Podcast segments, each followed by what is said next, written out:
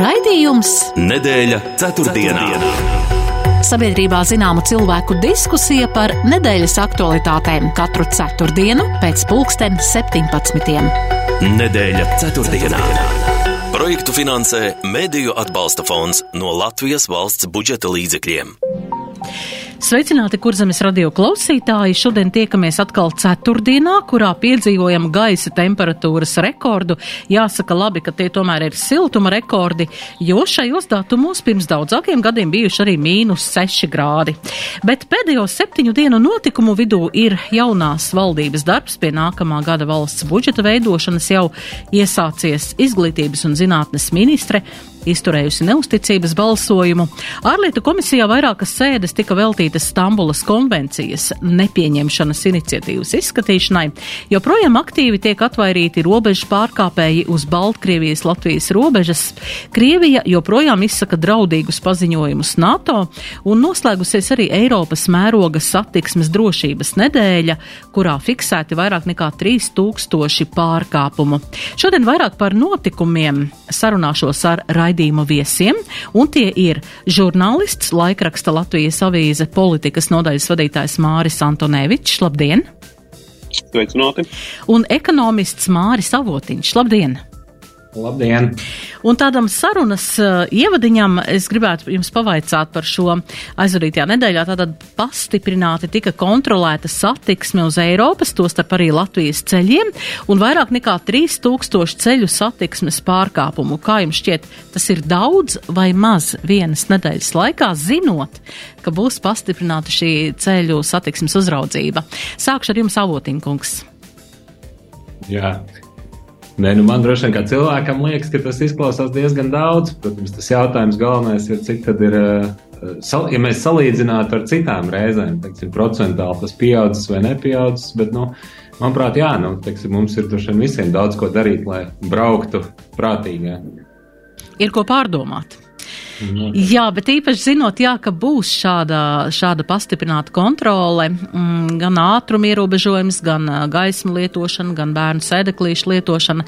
Um, Antonevičs kungs, jā, jūsu skatījums uz šo daudz vai maz 3000 nedēļā? Un, ja runā tieši par to, ka bija zināms, tad es pieļauju, ka nu, mums ir tā informācijas telpa šobrīd tik bagāta, ka uh, Un ir tik daudz tās informācijas, ka ļoti daudz arī visticamāk nepamanīja un nezināja par to, lai īpaši uzmanītos, lai gan tādi brīdinājumi mēs zinām, ka diezgan labi darbojas. Mēs labi zinām, kas notiek pie radariem stacionāriem, kas ir uzlikt uz ceļiem, ka tur vienmēr viss ir piebremzē un attiecīgi tālāk atkal liela daļa palielina šo ātrumu un atkal brauc mums vai virsāt ļaut tā vai drosmīgi, drošāk nekā tur, kur ir kaut kāda kontrole. Tā kā es pieņemu, ka, ja ir brīdinājums, tad darbojas, darbojas eh, daudz iedarbīgāk, bet iespējams, ka daudz nepamanīja ka daudz pat nepamanīja šāds, šādu. Šādu kampaņu. Jā. Ja runājam vēl par mašīnām, jā, tad eh, šobrīd ir tāda sākusies tāda akcija šo provokatīvo um, uzlīmju kontrolē uz automašīnām, kas tā kā nu, kādā veidā provocē. Nu, provocē tā, ka uzrakstīts ir ja ruskī vai, vai, vai, vai kādā citā veidā. Tāpat ir manīta arī numurzīme, krieviete, piemēram, vai, vai kaut kādā veidā.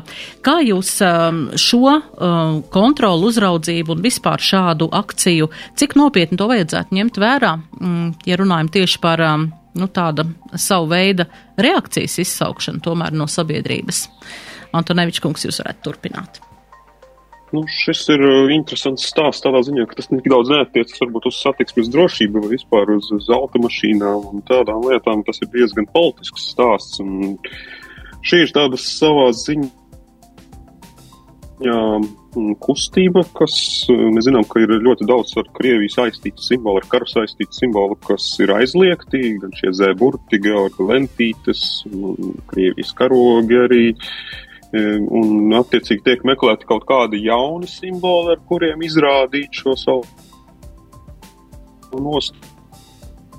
Mums ir šo ideoloģisko pārliecību atbalstu, ka jau pasauli atbalsta arī karam. Līdz ar to, protams, šis ir viens no mēģinājumiem, ja Ruski ir ļoti konkrēts mēģinājums izveidot šādu jaunu simbolu.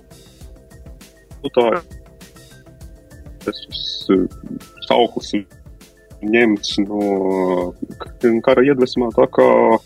Es domāju, ka um, tur ir politiski, un tas, protams, ir pirmkārt drošības jautājums, ne tik daudz satiksmes drošības, bet valsts nacionālās drošības jautājums. Jā, tam vajadzētu pievērst pastiprināt uzmanību tomēr, kas notiek, un arī šie ziņojumi, Noteikti. kas tiek saņemti jā, no sabiedrības, un sabiedrība aktīvi iesaistās. Jā, Avotīnkungs, kā jūs redzat šādu, um, nu, kā, kā, kā to varētu skatīties un kā to varētu tā kā, nu, tīri, varbūt informatīvi kaut kādā veidā šos cilvēkus varbūt uh, izglītot vai kaut kādā veidā motivēt vai, vai noskaidrot, kāpēc ir šāda attieksme un šādas reakcijas. Mm -hmm. Nē, nu, tur droši vien divas lietas. Viens ir skaidrs, ja tie cilvēki ir redzami, kas to dara, tad ar viņiem var veikt šīs sarunas. Bet man liekas, tomēr otra lieta šeit ir, nu, kā jau kolēģis teica, tad eh, nu, tas diezgan ir tomēr iekšējās drošības jautājums. Un, manuprāt, ka šādos gadījumos varbūt pat nevajadzētu aicināt, lai katrs ņem tā teikt eh, un cenšas ar savām rokām to risināt, bet mums ir pilnīgi skaidrs, ka nu, var par to ziņot pašvaldības policijai, valsts policijai, valsts drošības dienestam. Kā es vienkārši aicinātu, teiksim, ja ir šādi nu, gadījumi, teiksim, viņus noteikti vajag risināt pašā sākumā, pirms tas nerada pēc tam kaut kādas problēmas mūsu iekšējā drošībā. Jā, nu, un tagad arī ir Tieslietu ministrija tā kā, nu, veido likuma projektu un nu, iesniegšanai saimā arī par šo um, Baltkrievijai un Krievijai reģistrēto transportu līdzekļu šo vai nu pārreģistrāciju Latvijā, ja uh, šīs mašīnas turpina piedalīties mūsu satiksmē kādā laika posmā un, un, un šie cilvēki šeit dzīvo, vai arī, mm, kā šeit ir teikts, nu, tā kā, mm, ja, ja neizbrauc ar šīm mašīnām un, un kad varētu arī, nu, paredzēts arī ka tam sekotu sankcijas, tostarp arī transporta līdzekļu konfiskācija. Sakiet, pie kā šis varētu, kā to varētu uztvert uh, cilvēki, kas šobrīd varbūt dzīvo Latvijā? Uh, un kuri, kuriem ir šīs uh, Krievijā, Baltkrievijā reģistrētās automašīnas. Kādu reakciju tas varētu izsaukt? Avotīnkungs, varbūt jūs varat turpināt par šo. Nu, man tur šim grūti būtu komentēt. Es varu no savas pieredzes padalīties. Vienkārši savā laikā, tad, kad es dzīvoju Čehijā, tad es braucu ar mašīnu uz Čehijas numuriem, es neredzēju nekādu iemeslu, kāpēc man tur atrodoties, dzīvojot ilgtermiņā, kādēļ man būtu jābraukā tur ar mašīnu, kas reģistrēta citā valstī. Tāpēc es domāju, ka, nu, ja tie cilvēki, kas šeit uh, brauc ar tām mašīnām, ja viņi šeit, tā viņiem ir pastāvīgā dzīves vieta, un, un viņi šeit arī dzīvo, dzīvo un, un viņiem ir īpašumi, tad noteikti viņiem būtu jāizmanto arī mašīnas, kuras ir Latvijas uh, reģistrācijas numuriem. Es tur nesaskatītu vispār nekādu problēmu. Tas būtu ir loģisks solis no šo cilvēku puses. Mm. Jūsuprāt, tā jā. jā. Jā, nu, Antonevičs kungs, kā jūs redzat, vai varētu būt kāda reakcija uz šo, vai kaut kādā veidā varbūt politiski varētu nevienoties partijas šobrīd, kas ir koalīcijā?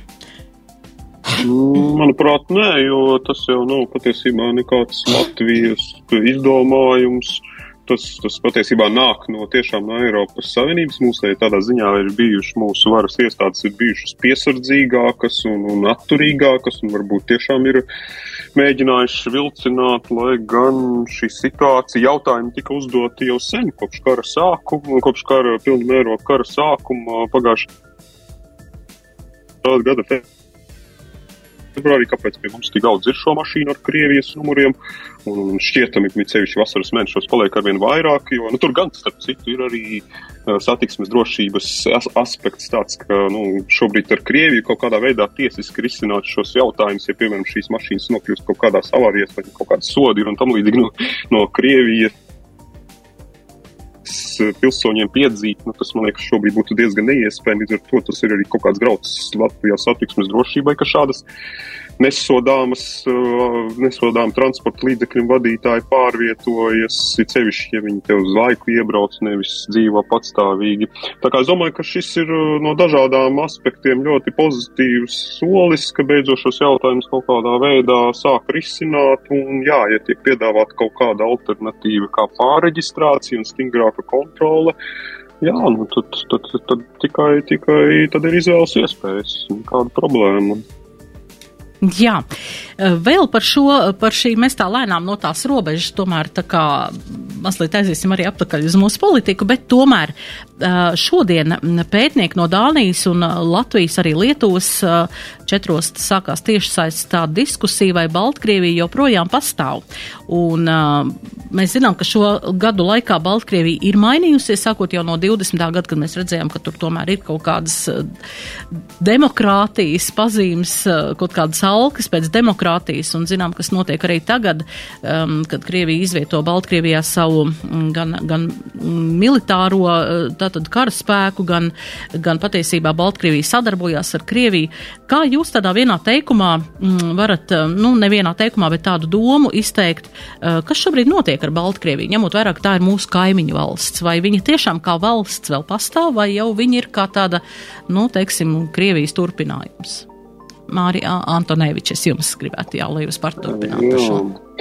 Nē, nu, tas ir varbūt tāds uh, sarežģīts jautājums, jo, protams, ka Krievi, Baltkrievija nonākusi ļoti lielā Krievijas atkarībā un daudz no tiem elementiem, kas raksturo suverēnas, neatkarīgas valsts, tur ir pazuduši. Protams, daļa vēl ir palikusi, un arī Krievijai ir kaut kāda interese, lai vismaz šobrīd tas tā saglabātos. Uh, Lai gan ir zināms, ka arī Kremļa aprindās, eh, Kremlī un, un vispār Krievijas varas aprindās ļoti ilgstoši jau tiek lolots šis um, sapnis un, mērķis uh, ap, apvienot Baltkrieviju, iekļaut to Krievijas sastāvu, varbūt um, kaut kādas īpašas republikas formā vai kā, un, un, un ik pa laikam ir šīs bažas, ka tas notiks un šī aneksija notiks, bet, no nu, acīm redzot, tas tiek turēts kā kaut kāds rezerves variants, iespējams kaut kādā brīdī, ko nevar izslēgt, bet vismaz pagaidām tie elementi, tie kā neatkarīgs valsts elementi tiek atstāti, un Lukašenko arī uh, noteikti ir ieinteresēts pēc iespējas ilgāk saglabāt savu varu un būt prezidents nevis vienkārši, nu, kā, kā viņš, kā skaitīties prezidents, nevis vienkārši kaut kāds gubernators Baltkrievijas. Tā kā, e, protams, jāprasa noteikti cilvēkiem, kas, kas ir uz vietas Baltkrievijā, kā viņi to izjūt, jo viņi noteikti to izjūt uz savas ācis, mēs to vairāk vērojam no malas. Tā kā, ja tā ir eksperta diskusija, tad es ceru, ka cilvēki, kas, kas, kas ir to ciešāk saistīti ar Baltkrieviju, tur arī pat izteiks savu, nu, savas sajūtas un savu nostāju, kas īsti notiek šajā valstī. Jā, Avotīna kungs, kā jūs, kā jums šķiet šobrīd tā skatoties tīri no Latvijas sabiedrības tādas puses, kas notiek šobrīd Baltkrievijā?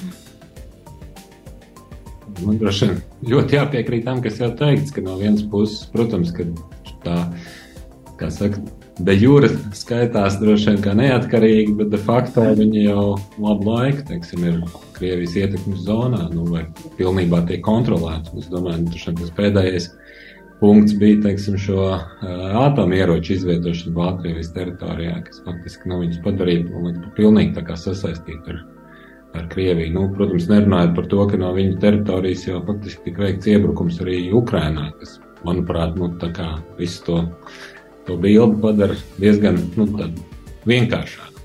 Bet es piekrītu, jā, ka nu, to vērtē droši vien speciālisti, teiksim, kas tieši par šo jautājumu tad, tad diskutē, kā tur ir. Jā, būs interesanti arī zināt šīs diskusijas tādus izvirzītos kaut kādus secinājumus, kā tas šobrīd izskatās no ekspertu viedokļa, jā, kā, kā, kas ar Baltkrieviju šajā brīdī notiek. Jā, un uh, Protams, mēs zinām, ka Baltkrievijas robežai joprojām um, tur aktīvi mēs nāks cīnīties ar šiem robežu pārkāpējiem, un, un arī Lietuva ir atkal nosūtījusi savus, savus papildus spēkus, gan kinologus, gan arī gan arī mm, dienesta automašīnas un, un šos spēkus ar ekipējumu, lai varētu noturēt šo, šo spiedienu, kas tiek ra radīts uz Latvijas, Baltkrievijas robežas. Jā, bet tagad mēs aiziesim reklāmas pauzītē un pēc tam paturpināsim ar tādām vietējākām, vietējākām, vietējākajām tēmām un, jā, pieķersimies Latvijas vietējai politikai. Nedēļa ceturtdienā. ceturtdienā.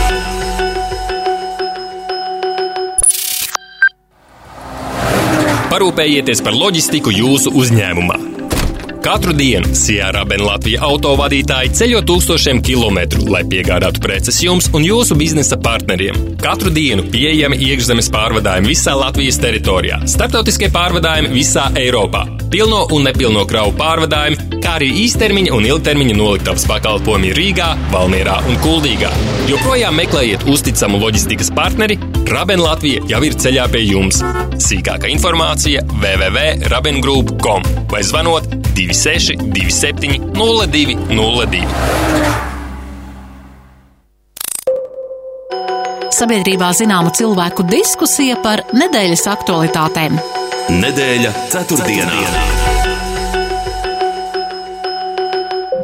Nedēļa ceturtdienā raidījuma viesi Māris Avotiņš un Māris Antonevičs. Tā kā abi jūs esat Māri, man atliek jūs saukt uzvārdos un, un tādā veidā pieteikt, kurš no jums ir aicināts savu viedokli izteikt. Jā, bet ja vēl par ārlietām, tad um, aizejot atpakaļ uz mūsu iekšējo politiku, tad um, Saimas ārlietu komisija Riharda Kola vadībā tātad vairākas šīs komisijas sēdes veltīja um, iedzīvotāju iesniegtai iniciatīvai par nepievienošanos Stambulas konvencijai, un šo sēžu laikā tika dažādi eksperti uzklausīti, dažādas puses, un vakar tātad nāca šī komisija ar tādu uh, lēmumu, kad um, šī nebūtu jāpieņem šī konvencija, nevajadzētu pievienoties Stambulas konvencijai, izvērtējot šos viedokļus, bet par to vēl būtu jālem saimai. Mēs zinām, ka mm, Stambulas konvencija, nu, tas ir tā kā tāds karsts kartupels, visu laiku politiķu tā kā, tā kā mm, runās un viņu, viņu darbos. Um, kā jūs redzat, jā, šādu pirmkārt jau iedzīvotāju iniciatīvu iesniegto ārlietu komisijas izvērtējumu un ko tas tālāk dos, pieņemot saimai savu lēmumu? Avotiņkungs, jūs varētu turpināt.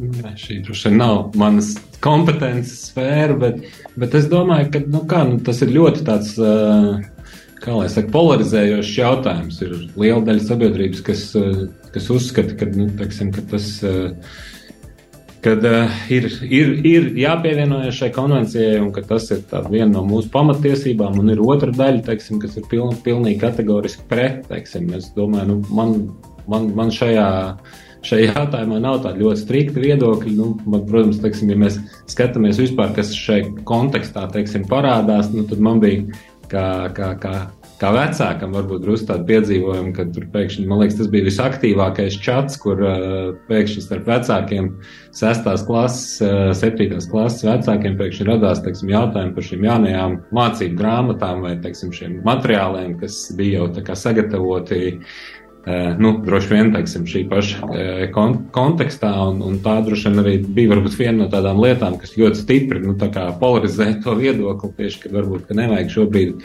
atbalstīt, jo kaut kā varbūt sabiedrība līdz galam vēl nav gatava. Bet, nu, jā, kolēģis var padalīties ar savu skatu. Jā, nu, kolēģi Antonevičs kungs, jā, jūs. Es, es piekrītu otram mārim šajā ziņā, kad, nu, ar piebildu Mums ir ne tikai polarizējošs, bet ļoti, ļoti ideoloģi, ideoloģizēts jautājums.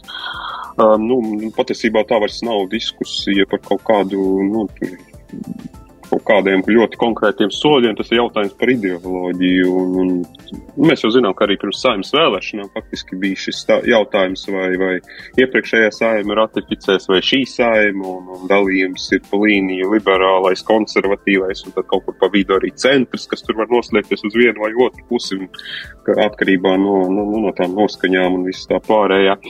Un vismaz pēc saimnes vēlēšanām bija radās iespējas, ka, nu, konvencija netiks ratificēta, tāpat kā vairāk citi jautājumi, kas ir nu, nosīti ietilpst šajā paketē ideoloģiskajā, nu, bet tagad ar tādu ļoti saudabīgiem valdības manevriem ir radies iespējas, ka varbūt tā ir kaut kāda no daļa politiskās vienošanās un tomēr varētu sekot šie lēmumi.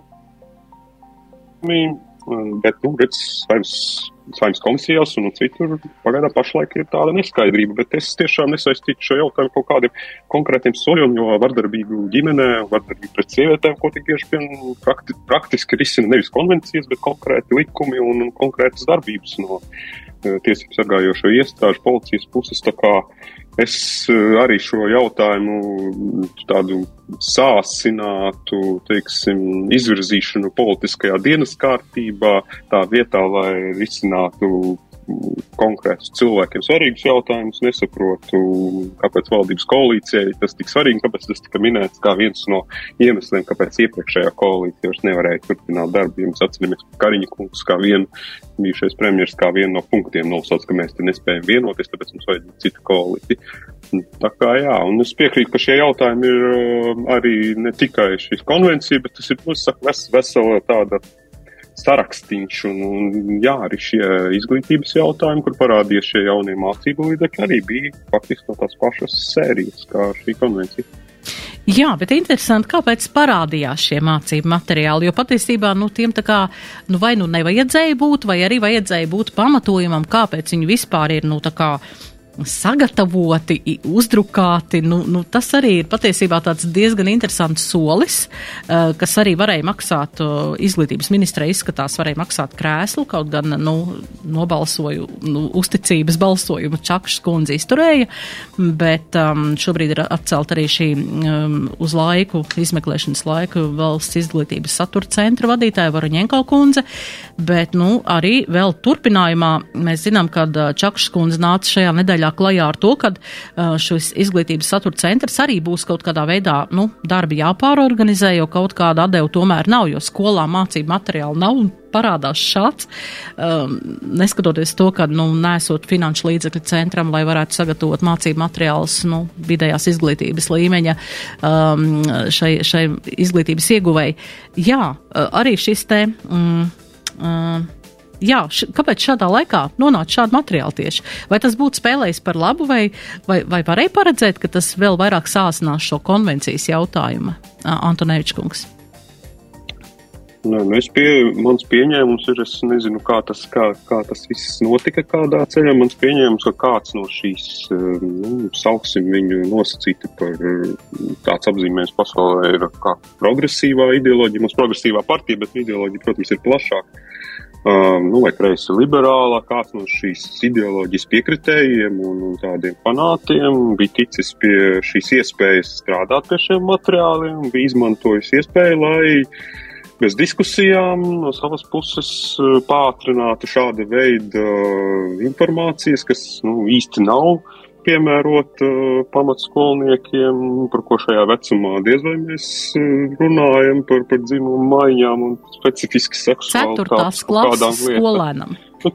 Nu, ceturtā tur bija dažādi tie, Jā. tie veci, viņi vēlāk teica, ka varbūt tur vēlāk, bet, nu, jebkurā gadījumā mm. pamatskola, kur, kur varbūt ir jāsniedz pamatzināšanas par cilvēka ķermeni un, un tam līdzīgām, bet nevis jau jāiet kaut kādās ļoti specifiskās lietās. Tad kāds bija iekļauts, nu, cim redzot pēc tā, kas sekoja arī no ministras puses un no citu amatpersonu puses, tad tas tomēr bija nesaskaņot. Un politiski, no politiķu puses šoreiz tā nebija iniciatīva, tad tā nāca no kaut kādas citas personas, kas ideoloģiski gan ir tā noskaņota, bet nav politiķis. Jā, bet interesanti, kāpēc tas nonāca sociālos tīklos? Vai tas bija tomēr tāds um, kāds iemet, lai būtu tāda, nu, to reakciju sagaidījām, nezinu, vai sagaidīja pareizi. Nu, Sociālā tīkli mūsdienās, manuprāt, tā vieta, kur, kur arī nāk pirmās reakcijas un, un, un bieži apsteidz mēdījus. Nu, dažreiz mēdījus, protams, kaut kas parādās ātrāk, bet nu, sociālā tīklos tomēr tie ir pieejami plašam cilvēku lokam un ātrāk izplatās. Tā kā es domāju, ka tas ir tāds normāls informācijas kanāls, kur arī šādas lietas mēdz parādīties sākotnēji tālāk jau par to ziņo mēdī. Un seko kaut kādas diskusijas un kādas politiskas reakcijas. Jā, avotiņkungs, kā jūs skatāties uz to, jo arī no Čakšas kundze bija tas, ka sabiedrība vēl nav gatava, tad mēs šo gatavību vēl gaidām, vai ne? Mm.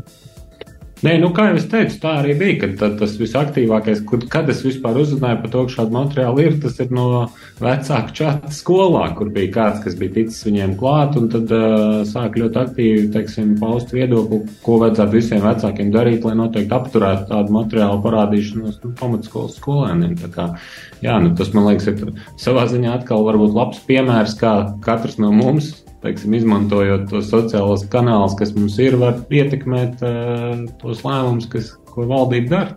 Būtu ļoti pamācošs veids. Mm -hmm. Jā. Tad runājot vēl par tādu vietējo politiku, mēs visi gaidām un uh, nav ilgu laika, laika palicis uh, šim te budžetam nākamajam gadam, uh, kas būtu tā kā jā, valdībai ļoti um, nu, aktīvi pie tā jāstrādā. Mēs zinām, ka ir izvirzīts šīs prioritātes un tā ir drošība, un tā ir izglītība un tā ir veselība. Um, Kā jūs redzat, ka, uz ko mēs šobrīd ejam? Daudz runā, maz mēs zinām no tādiem oficiālākiem kanāliem, no politiķiem par to, kāda izskatīsies jaunā nodokļu politika, kas būs ar PVN augļiem, dārzeņiem un vispār pārtikai vai, vai kādiem pakalpojumiem.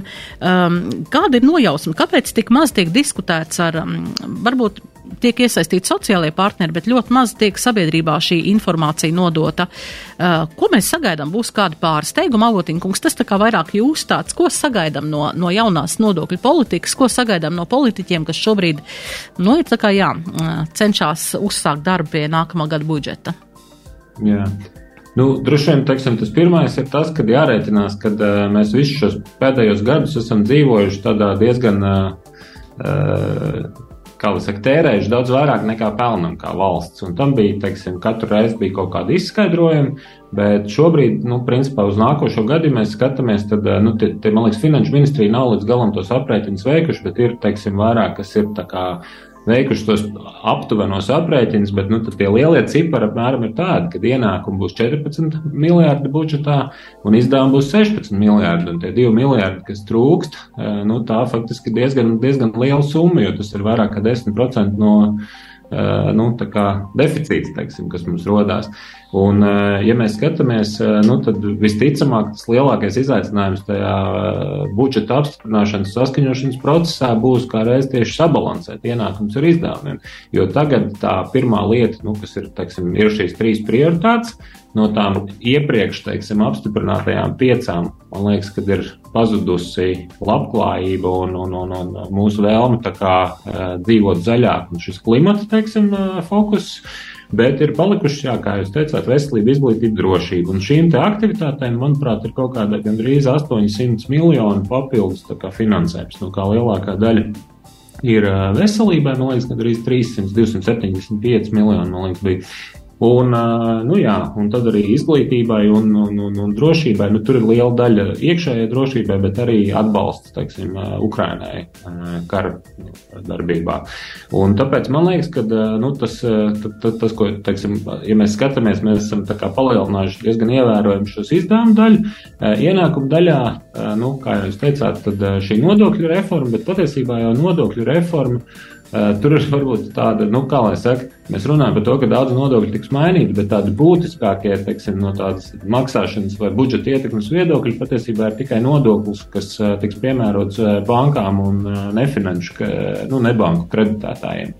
Un tas, teiksim, varētu dot, man liekas, cik tur tas aprēķins, apmēram 140 miljonus papildus, teiksim, ienākumus. Bet tur atkal jāsaprot, ka tā nav kaut kāda ekstra jauna nauda. Tie ir tie nodokļi, ko bankām tāpat būtu bijis jāmaksā, tad, kad viņas gribētu maksāt, teiksim, dividendus savām, saviem īpašniekiem. Tā kā tā ir, nu, varbūt vienkārši ātrāk iegūta tā nauda. Ja mēs skatāmies uz pārējām lietām, jā, nu tad ir tas disku, disputs par tiem augļiem, dārziņiem, bet tur es saprotu vietējiem, ka tur tā laikam lielākā problēma ir nespēja viņus identificēt, ka tie ir tiešām vietējie, un tad zem šī panta, teiksim, trāpās apakšā arī visi importētie, un tāpēc tas atbalsts it kā netrāpās tur, kur mēs viņu gribētu redzēt, bet viņš aiziet teiksim, vienkārši tirgotājiem. Savukārt, ja mēs skatāmies uz citām izmaiņām, tad man liekas, ka tur tā savukārt tā lielākā diskusija ir par to, ka Uzņēmēji savukārt saka, ka, nu, skatieties, mums ekonomika ir sabremzējusies, visas pasaules ekonomika sāk sabremzēties, galvenie mūsu tirzniecības partneri, viņu ekonomikas arī bremzējās.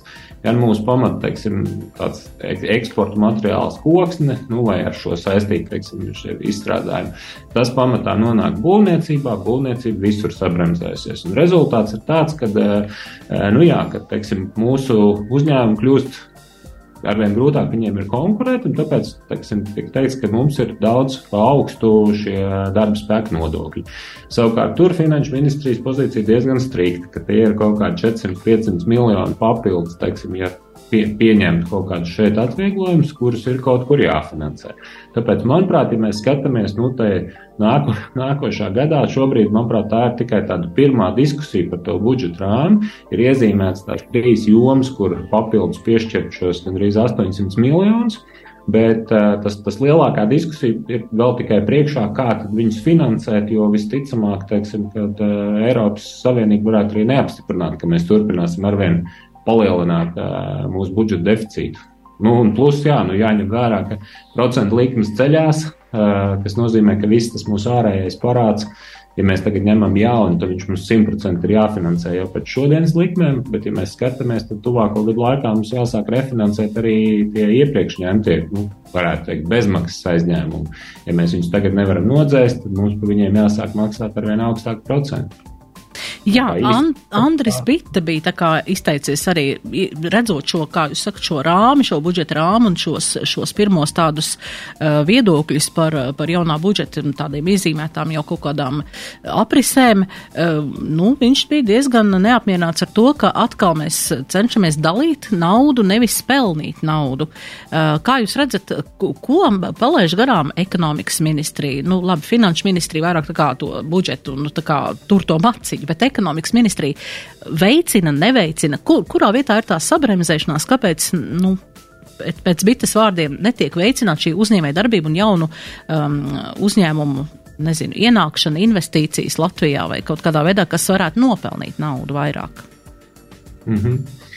Nē, nu šobrīd jau, nu tā, man liekas, tas tur, tur varētu skatīties vai, vairāk, jo, jo vēl aizvien teiksim, viens no ierobežojošiem faktoriem Latvijā ir darba spēka trūkums, eh, jo viņš nav jau atrisināts. Teiksim, un šobrīd, teiksim, man liekas, tā, tas lielākais izaicinājums, kas, kas ir uzņēmējiem, kam ir nu, teiksim, daudz, daudz darbinieku, teiksim, ka viņiem uh, faktiski jārēķinās ar to, ka jā, inflācija ir sabremzējusies, viņi tagad ir tur, teiksim, jau labu laiku zem 10%. Cerams, ka viņi tur teiksim, aizies atkal līdz 3-4 tuvāko mēnešu laikā. Bet uh, ir nokritušas teiksim, uh, resursu cenas, nu, lai gan degviela atkal sāk teiksim, celties, bet kopumā teiksim, neviens neekspekt, nu, nesagaida, ka būs dabas gāzes vai elektrības cenas tādas, tādas kā, kā viņas bija teiksim, pagājušā gada vidū.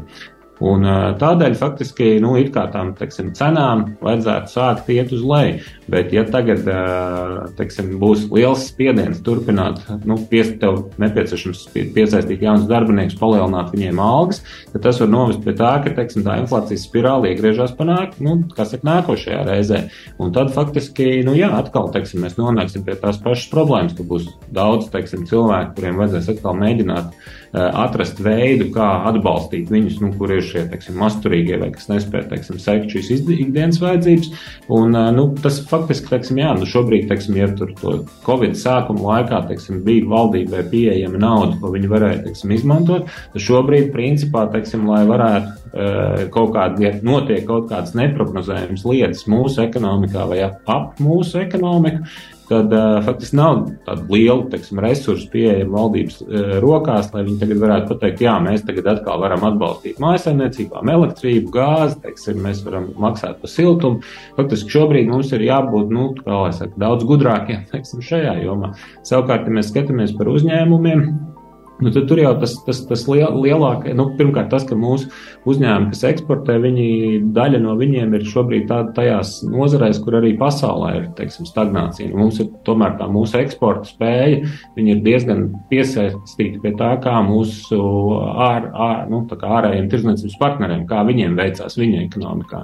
Un šobrīd, teiksim, liela daļa no viņiem arī vai nu stagnē, vai nu viņiem ir kritums. Tāpēc tāda īstermiņa, teiksim, ot, ka mēs šodien izdarām vienu lietu, lietu un viss sāk strādāt, es domāju, tādu nu, tas var tikai pasakās būt. Bet tas, kas ir nepieciešams, ka mums ir tādi mērķiecīgi soļi, ka mēs teiksim, sakārtojam vienu lietu, nākošais mēnesis sakārtojam otru lietu, lai palīdzētu eksportējošiem uzņēmumiem veiksmīgāk atrast. Teiksim, e, noturēties esošos tirgos un palielināt teiksim, to savu teiksim, eksporta daļu. Mm -hmm. Nu, tad, Nevičs kungs, vai jūs redzat, vai, vai ko šis budžeta pieņemšana un šis budžeta jautājums, patiesībā budžets vienmēr ir tāds um, pārbaudījums valdībām, valdības tādai uh, noturībai. Um, spēsim vienoties? Es domāju, valdība tikko ir izveidota un lielā mērā šis budžets jau ir tapis pirms tās veido, izveidošanas, tur partneriem neatliks nekas cits kā pieņemt tos noteikumus, ko piedāvā jaunā vienotība un šo partiju pārstāvošais finanšu ministrs. Tā kā, nu, vismaz šo budžetu es nedomāju, ka tur gaidāmas kādas kolīdzijas saistībā ar koalīciju vai valdību. Par budžetu es nebūdams eksperts daudz varbūt neizteikšos un nevērtēšu ne tos skaitļus, ne, ne, ne, ne to visu, varbūt viņa pāris politiskas piezīmes. Pirmais ir šīs prioritātes, tad, ko mēs uzskaitījām, ka, ko, kas tika uzskaitītas, man liekas, būtiski atzīmēt, ka tās visas, tātad veselība, um, izglītība un arī ja iekšējā drošība, labi, iekšējā ārējā drošība, bet iekšējā drošība, tātad viss šīs atrodas ministrijas, kas ir jaunās vienotības pārziņā, tātad savā ziņā vienotība iezīmē, ka tieši nu, par, tā, par savu atbildības jomu, ka tur tiks, un tad ārējiem, tad kā redzēs, kā būs.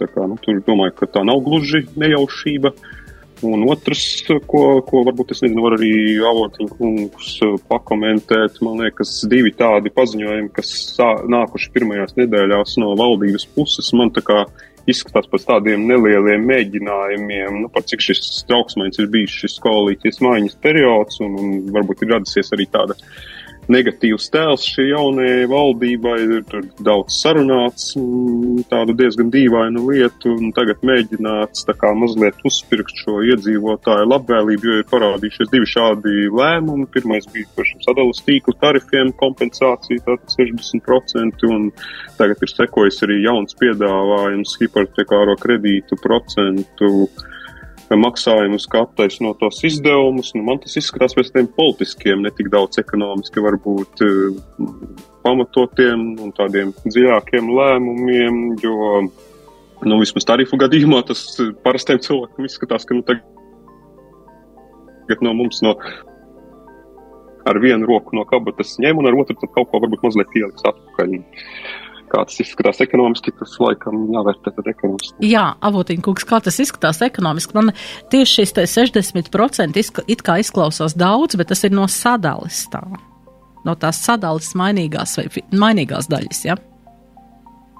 Nu, tur, tur jau tur ir tas moments, ka šobrīd uh, elektrības cena jau nav augsta. Tas, ka mums ir liela rēķina pamatā, jau tas veidojās tieši dēļ tā, ka sadalījums tīkls ievērojami palielināja šos savus maksājumus. Nu, es nezinu, vai tas ir pareizais veids, teiksim, sākumā palielināt trīskārši un pēc tam iedot 60% atlaidi, bet manuprāt, nu, tas īsti pat nav kā nu, valdības, tas jau būtu sabiedrisko pakalpojumu regulātoram, kuram ir jāizvērtē šo tarifu, teiksim, atbilstību un tad tad izējot no tā arī tad, nu, tā kā jāpiemēro. Savukārt, pēc tam, ja atkal visiem, teiksim, tiek piešķirta atlaide, tad mēs esam atpakaļ tur, kur mēs bijām pāris gadus atpakaļ, ka, nu, faktiski mēs, mēs izdarām ir kā divas nevajadzīgas darbības vienā virzienā, otrā. Varētu uzreiz palielināt vienkārši par to summu, kas, kas teiksim, šodien būs jāmaksā, nevis darīt divus darbus vienu darbu lietā, vietā. Jā, savukārt par hipotekāro mm -hmm. kredītu likmēm, nu, tur gan īstenībā tas varbūt tāds drusku vispār par banku teiksim, sektoru kā tādu, nu, jo, jo, jo, jo, jo senos laikos arī es teiksim, aktīvi darbojos finanšu teiksim, jomā. Un, manuprāt, tur šobrīd ir tāds drusku paradoks, teiksim, jo viena no tām lietām, atgriežoties pie tā, Brīsīs kungs varbūt teica, ka, nu, kad ir kaut kāda teiksim, problēmas, kāpēc nevar straujāk attīstīties. Nu, es domāju, ka viena no tām lietām šobrīd ir finanšu nepieejamība. Jā, šobrīd likmes ir sākušas celties, un es nevienu neaģitētu, ka šodien vajadzētu obligāti aizņemties. Bet, ja mēs skatāmies, teiksim, cik mums strauji ir auguši iekšzemes depozīti pēdējo nu, pat desmit gadu laikā, un cik tikpat strauji bez mazliet krituši kredīti, tad tas ir viens no iemesliem, jo, nu, teiksim, ja, ja mums nav citu, teiksim, nav mums kapitāla tirgus, kur kompānijas var aktīvi piesaistīt kapitālu vai aizņemties, teiksim, obligāciju veidā, tad uh, kreditēšana bija viens no tādām pamatlietām, kas ļāva uzņēmumiem, teiksim, attīstīt savu darbību un savukārt privātpersonām, nu, teiksim, ņemt šos hipotekāros kredītus.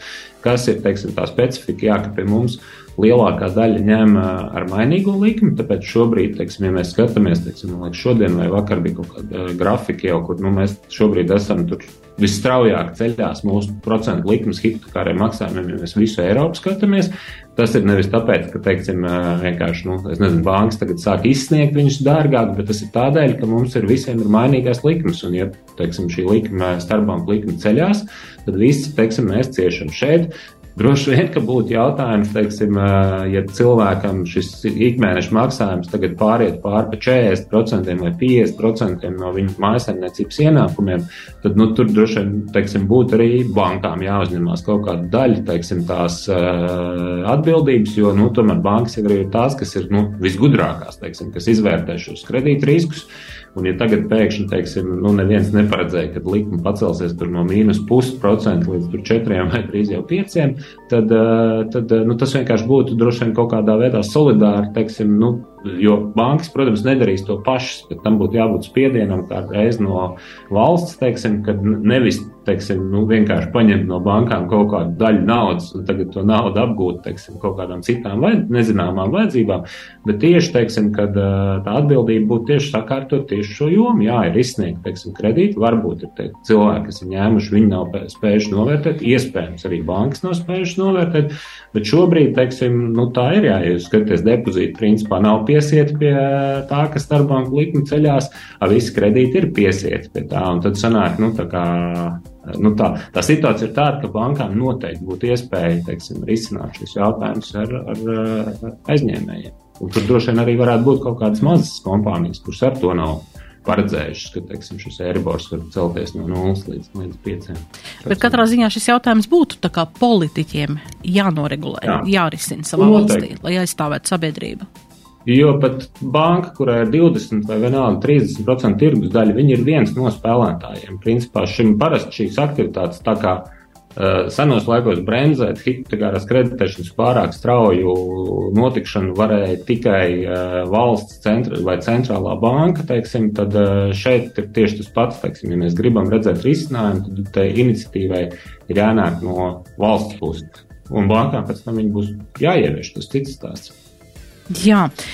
Um, ja mēs runājam vēl par šo, um, par jauno budžetu un, un skatījumu, mēs nesen runājām, mums bija raidījums par lauksaimniecības tēmu, un arī patiesībā lauksaimnieki tā kā ierauga arī uh, tāda savas sabiedrības, savas valsts pabarošana arī ir tā kā tāds nacionālas drošības jautājums, un mēs tieši runājam par to, ka, nu, lauksaimniecība ir tālu, tālu tur no prioritātēm, un, un tomēr vairāk vai mazāk, nu, tie ir produkti, kas tiek uz vietas ražoti, bet nu, nu, nu, netiek pārāk novērtēti tā, ka tie būtu kā jāpaskatās nopietnāk uz to. Kā jūs redzat šo um, tieši lauksaimniecības produktu un, un šo nozīmību vispār tādās krīzes situācijās, ka mēs arī tai varētu noteikt kādu prioritāti, nu, ka tam ir, tam ir jāpievērš uzmanība, lai, lai mums būtu savs uzkrājums un savas, savi produkti, lai mums nu, kādam laikam pietiek dažādās x stundā vai, vai kādās situācijās. Antonēvičs kungs. Laikam nevarēšu īpaši komentēt, ne, nepārzinu, kā tiek veidotas šīs rezerves, cik daudz tur ir vietējā un tam līdzīgi. Mm, lauksaimnieki, man liekas, manuprāt, katra, katrai no šīm nozarēm ir savi lobby, kuri noteikti seko, lai, lai budžeta izstrādes gaitā viņi nepaliktu, ne, netiktu apvainoti un nepaliktu kaut kādā mazākumā. Noteikti uh, lauksaimniekiem šie lobby ir diezgan spēcīgi, jo mēs zinām, LOSPU un visas pārējās organizācijas vienmēr ir ļoti aktīvas, tā kā es tā īpaši neapstraktos, ka viņu balss nebūs dzirdama.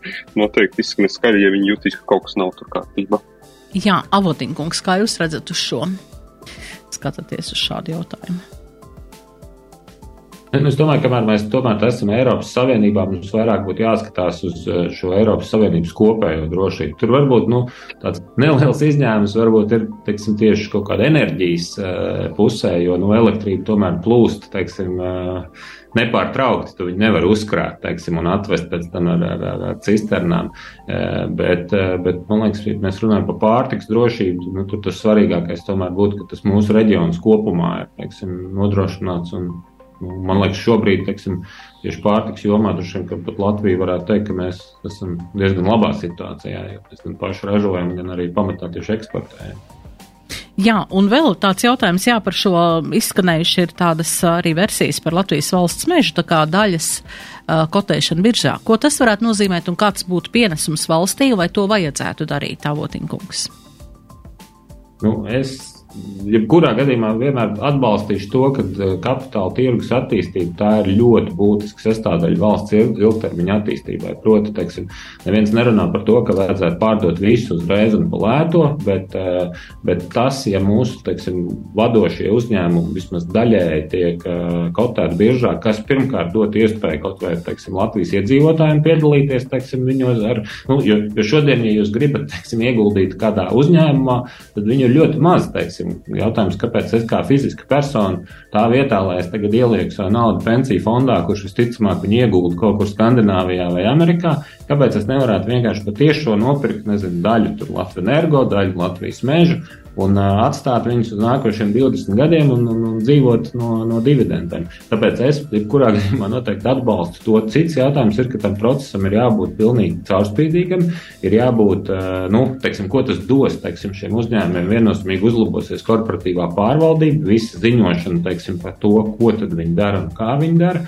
Eh, jo nu, teiksim, tur būs mazākuma investori, kas nu, arī skatīsies līdzi, kas tur notiek. Tāpēc, nu, manuprāt, teiksim, jebkurā gadījumā tā ir laba iniciatīva, bet viņi noteikti ir arī labi jārealizē. Teiksim, lai valsts iegūtu maksimāli to īstermiņu labumu, bet galvenokārt, lai viņi iegūtu to ilgtermiņu labumu, kā attīstītos kapitāla tirgus un teiksim, iedzīvotāji aktīvāk tajā piedalītos. Jā, Antonevičs kungs, jums vēl pāris teikumu par šo. Es acīm redzot, arī šī jautājumā nebūšu tas eksperts, kas, kas, kas tur varēs izvērtēt. Es te mēģināju saprast, ko tas, ko, kādi ir iegūmi, un, un, un kā saprotu, divi galvenie, kas tika minēti. Pirmais ir, ka mm, tātad finansiāls iegūms, kas varbūt varētu būt prim, primārs valdība, un otrs kaut kā ka tas varētu veicināt arī labu pārvaldību. Nu, redzēs, vai tie, tie ir tikai pozitīvi iegūmi, jo, manuprāt, arī visas tās politiskās diskusijas vispārējais liecināja, ka tur var būt arī riski, bet nu, tie jāvērtē speciālistiem, kādi ir tieši riski bez šiem pozitīviem aspektiem. Jā. Jebkurā vietā tas ir skaidrs. Tas ir jebkurā vietā, jā, un to jau arī mēs patiesībā visu laiku gaidām, lai ir saprotam un pārskatām visi šie procesi, lai tie ir caurspīdīgi un lai ir tiešām tā, ka cilvēks var dzīvot Latvijā un uzticēties, ka tie, kas veido politiku un veido visus šīs, šos procesus, ka mēs varam uzticēties, ka tas nav kādām, kādām personīgam vai kādam citam labumam.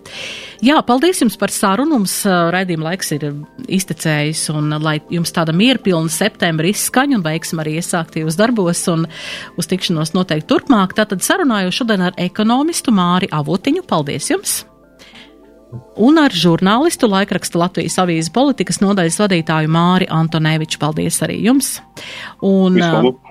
Producente bija mana kolēģe Anna Andersone, pie skaņu pults bija mans kolēģis Emīls Kuplais, radījuma vadies Daci Blūma. Uz tikšanos turpmāk! Raidījums Nedēļa ceturtdienā. ceturtdienā sabiedrībā zināma cilvēku diskusija par nedēļas aktualitātēm katru ceturtdienu pēc pulksten 17. Nedēļa ceturtdienā. Projektu finansē Mēdīju atbalsta fonds no Latvijas valsts budžeta līdzekļiem.